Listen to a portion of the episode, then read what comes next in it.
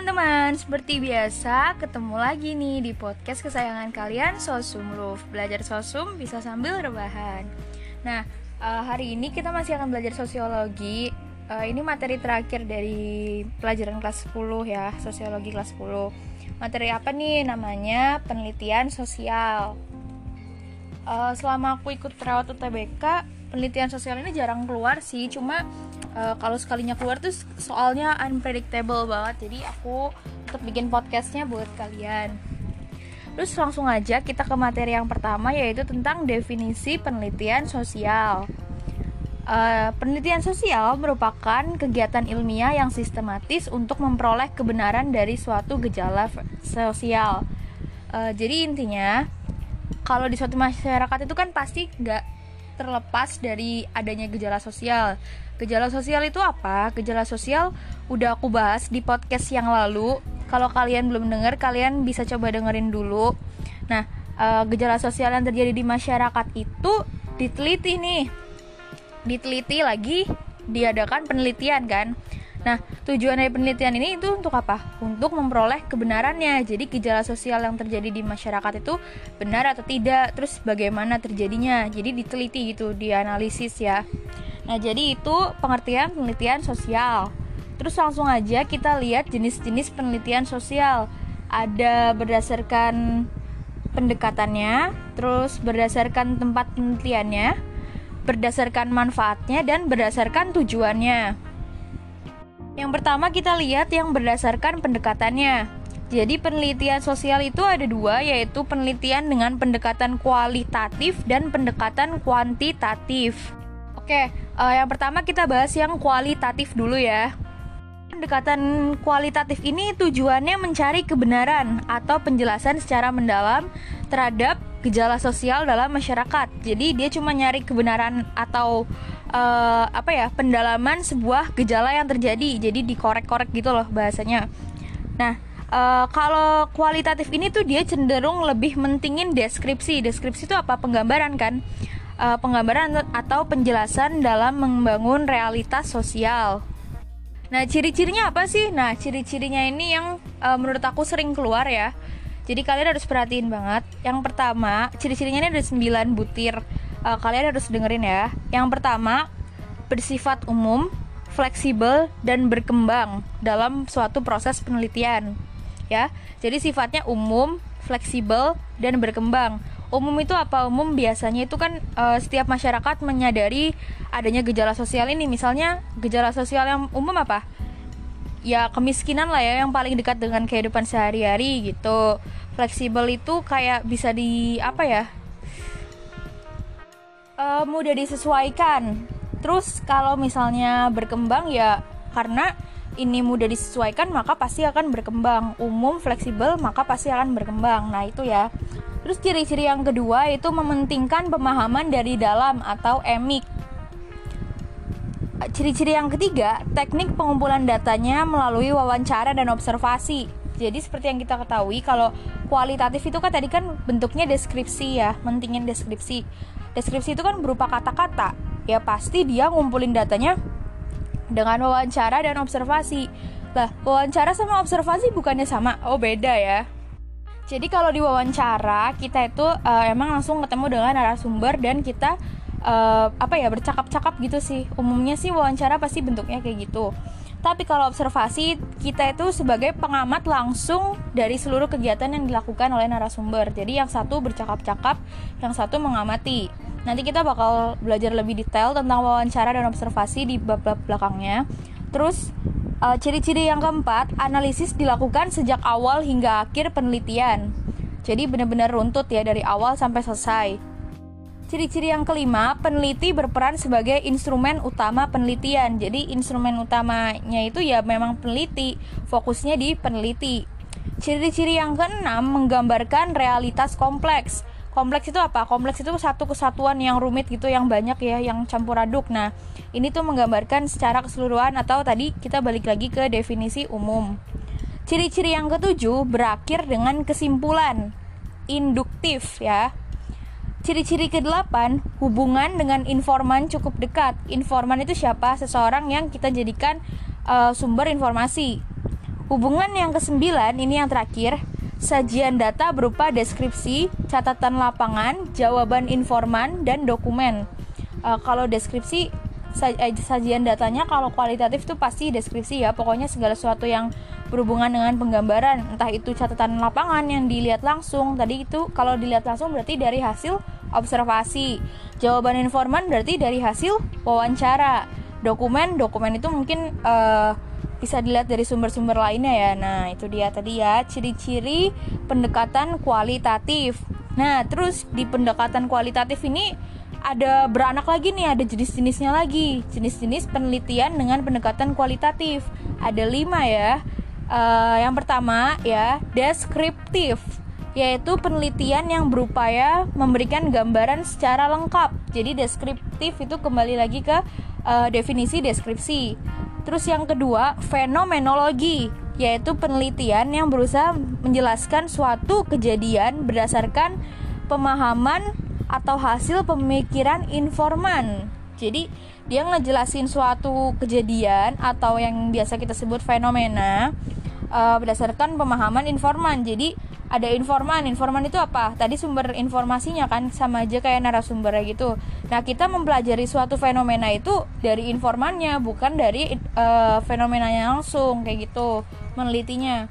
Terus yang ketiga ada penelitian historis. Penelitian ini ber, uh, menjelaskan kembali peristiwa atau gejala sosial pada masa lampau. Yang dibuktikan dengan apa ya kalau misalnya di museum itu kan ada artefak terus ada bukti-bukti peninggalan sejarah ada naskah. Nah, itu penelitian historis. Terus yang keempat ada studi kasus, yaitu penelitian yang digunakan untuk menganalisis fenomena dalam masyarakat yang terjadi di suatu daerah. Jadi di sini sama, dia kajiannya dia mengkaji suatu fenomena ya. Tapi e, kalau tadi kan fenomenologi itu dikaji Nah, kalau studi kasus ini dikaji di suatu daerah atau lokasi. E, biasanya nanti tuh dari studi kasus kita bisa tahu penyebab terjadinya suatu fenomena tersebut.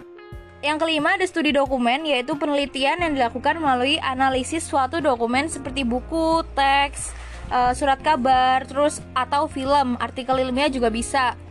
Kita masuk ke penelitian dengan pendekatan kuantitatif. Uh, bedanya sama kualitatif, kalau tadi kan kualitatif itu menggambarkan, mendeskripsikan. Kalau ini dianalisis menggunakan angka-angka dan dianalisis dengan prosedur statistik.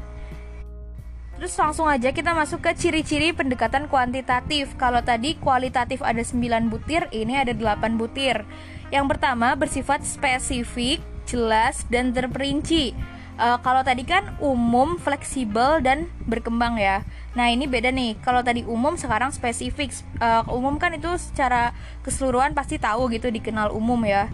Uh, kalau spesifik ini dia uh, udah apa mengarah ke suatu hal gitu sifatnya. Terus jelas, jelas itu ya karena dia udah punya fokus suatu hal pasti jelas ke suatu hal itu yang akan dibahas. Terperinci. Uh, yang kedua, mementingkan pandangan orang lain atau etik yang ketiga, menunjukkan hubungan antar variabel. Yang kelima, yang keempat, memulai dengan teori dan hipotesis atau deduktif. Yang kelima, instrumen utama pendekatan ini tuh uh, komputer, kalkulator, dan aplikasi statistik pokoknya yang berhubungan dengan angka-angka. Yang keenam, menggunakan teknik eksperimen, survei, dan angket dalam mengumpulkan data. Nah, nanti kita bakal belajar itu apa aja yang dimaksud dengan survei, angket, eksperimen. Yang ketujuh, analisis dilakukan setelah pengumpulan data. Yang kedelapan, terdapat jarak antara peneliti dan informan. Terus ya. kita lanjut. Yang penelitian pendekatan kuantitatif. Nah, ini ada tujuh, ini lebih banyak ya. Aku bahas satu-satu. Yang pertama itu tadi survei. Survei itu penelitian yang bertujuan memperoleh informasi mengenai sikap dan pendapat dengan mengambil sampel populasi melalui kuesioner. Jadi survei itu nama metodenya. Nah, uh, tapi pelaksanaannya itu ada medianya lagi, harus ada kuesioner sama harus ada sampel dari suatu populasi. Nanti itu apa? Aku bakal bahas. Terus yang kedua itu eksperimen. Eksperimen itu apa? Uh, kalau kalian dari IPA kalian biasa eksperimen pasti ya biologi gitu. Nah, eksperimen itu penelitian yang bertujuan mengetahui suatu akibat dari pemberian suatu perlakuan. Yang ketiga ada eksplanatif, yaitu penelitian yang bertujuan menjelaskan variabel-variabel yang memiliki kecenderungan tertentu. Yang keempat ada eksploratif, yaitu penelitian yang bertujuan mengenali variabel tertentu. Kalau eksplanatif menjelaskan, kalau eksploratif dia menggali, jadi dia mengenali variabel-variabel tertentu. Lalu yang kelima ada deskriptif kuantitatif, yaitu penelitian yang bertujuan memberikan gambaran mengenai suatu permasalahan sosial dengan menganalisis menggunakan metode statistik. Yang keli, uh, yang keenam korelasional, korelasional, yaitu penelitian yang bertujuan menyelidiki sejauh mana dampak variasi dari suatu faktor dengan variasi lain dalam satu faktor atau lebih. Jadi dia kalau korelasional tuh gimana uh, diambil dari kata relasi ya. Relasi itu kan hubungan. Jadi gimana sih hubungannya dia uh, hubungan antara satu variasi atau satu variabel itu dengan satu variasi lain atau dengan satu variabel lain. Nah, itu dilihat sejauh mana sih dampaknya. Terus kalau komparatif itu e, komparatif kan artinya perbandingan. Jadi penelitian yang berupaya membandingkan dua gejala atau lebih ya. Terus langsung kita e, masuk ke penelitian sosial berdasarkan tujuannya. Yang ada ini ada lima ya. Yang pertama kita mulai dari penelitian deskriptif balik lagi nih udah udah aku ulang-ulang dari tadi kalau penelitian deskriptif itu penelitian yang bertujuan memberikan gambaran ya jadi ini memberi gambaran secara terperinci gitu tentang suatu fenomena atau gejala sosial Lalu yang kedua ada penelitian eksploratif. Nah tadi kita barusan bahas eksploratif. Jadi penelitian ini e, bertujuan mengetahui benar atau salah gitu ya, mengenali suatu variabel tertentu e, atau kata lainnya itu menemukan fakta atau pengetahuan baru agar diketahui oleh masyarakat. Yang ketiga, ada penelitian tindakan, yaitu penelitian untuk menemukan cara efektif meningkatkan kinerja suatu kelompok. Yang keempat, ada penelitian verifikatif, yaitu penelitian yang bertujuan menguji teori atau penelitian sebelumnya. Yang kelima, ada penelitian pengembangan atau uh, development yaitu penelitian yang bertujuan mengembangkan, memperluas dan memperdalam suatu teori pengetahuan. Terus kita masuk ke penelitian berdasarkan tempat penelitiannya. Itu ada laboratory research, field research, dan library research. Kalau uh, laboratory itu kan pasti penelitian dilakukan di suatu tempat tertentu yaitu laboratorium. Kalau field research itu dilakukan langsung di lapangan kalau library research itu menggunakan literatur atau kepustakaan alias di perpustakaan. Terus ada penelitian berdasarkan manfaat atau penerapannya ya. Manfaat aja deh biar lebih gampang.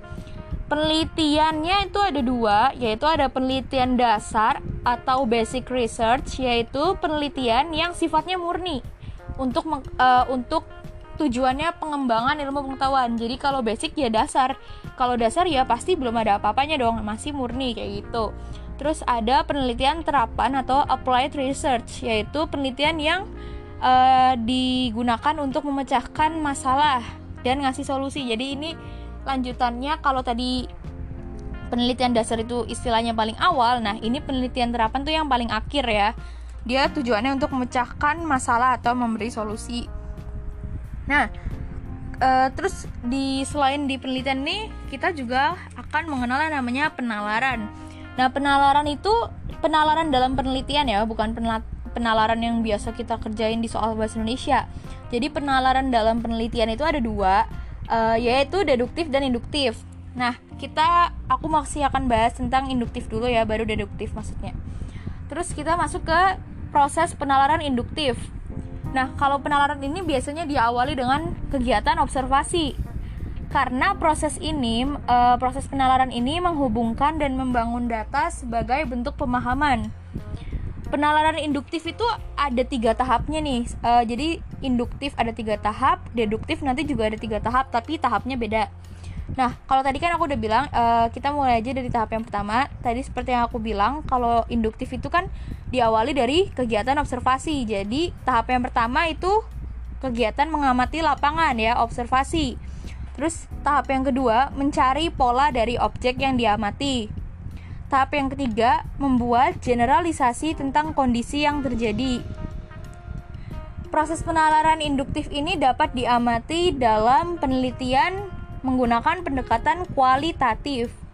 Pengetahuan yang diperoleh dari penalaran induktif berasal dari fakta khusus menjadi fakta bersifat umum. Nah, itu tadi penalaran induktif.